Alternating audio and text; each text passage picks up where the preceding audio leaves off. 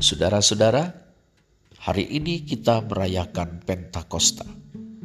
Roh Kudus telah dicurahkan, janji Bapa telah digenapi, gereja telah dilahirkan.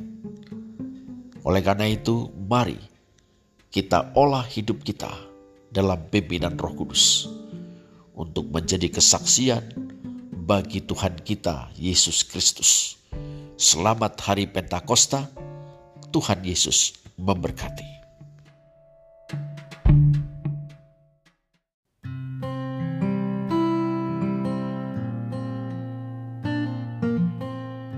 Pada hari Pentakosta, Roh Kudus tidak hanya dicurahkan kepada para rasul dan murid-murid Tuhan Yesus yang paling awal lainnya.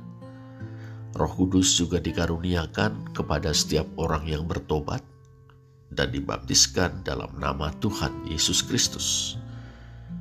Walhasil dari 120 orang, pengikut Tuhan Yesus menjadi 3000 orang. Dan mereka semua bertekun dalam pengajaran rasul-rasul dan dalam persekutuan. Gereja telah dilahirkan. Umat Sang Mesias telah terbentuk.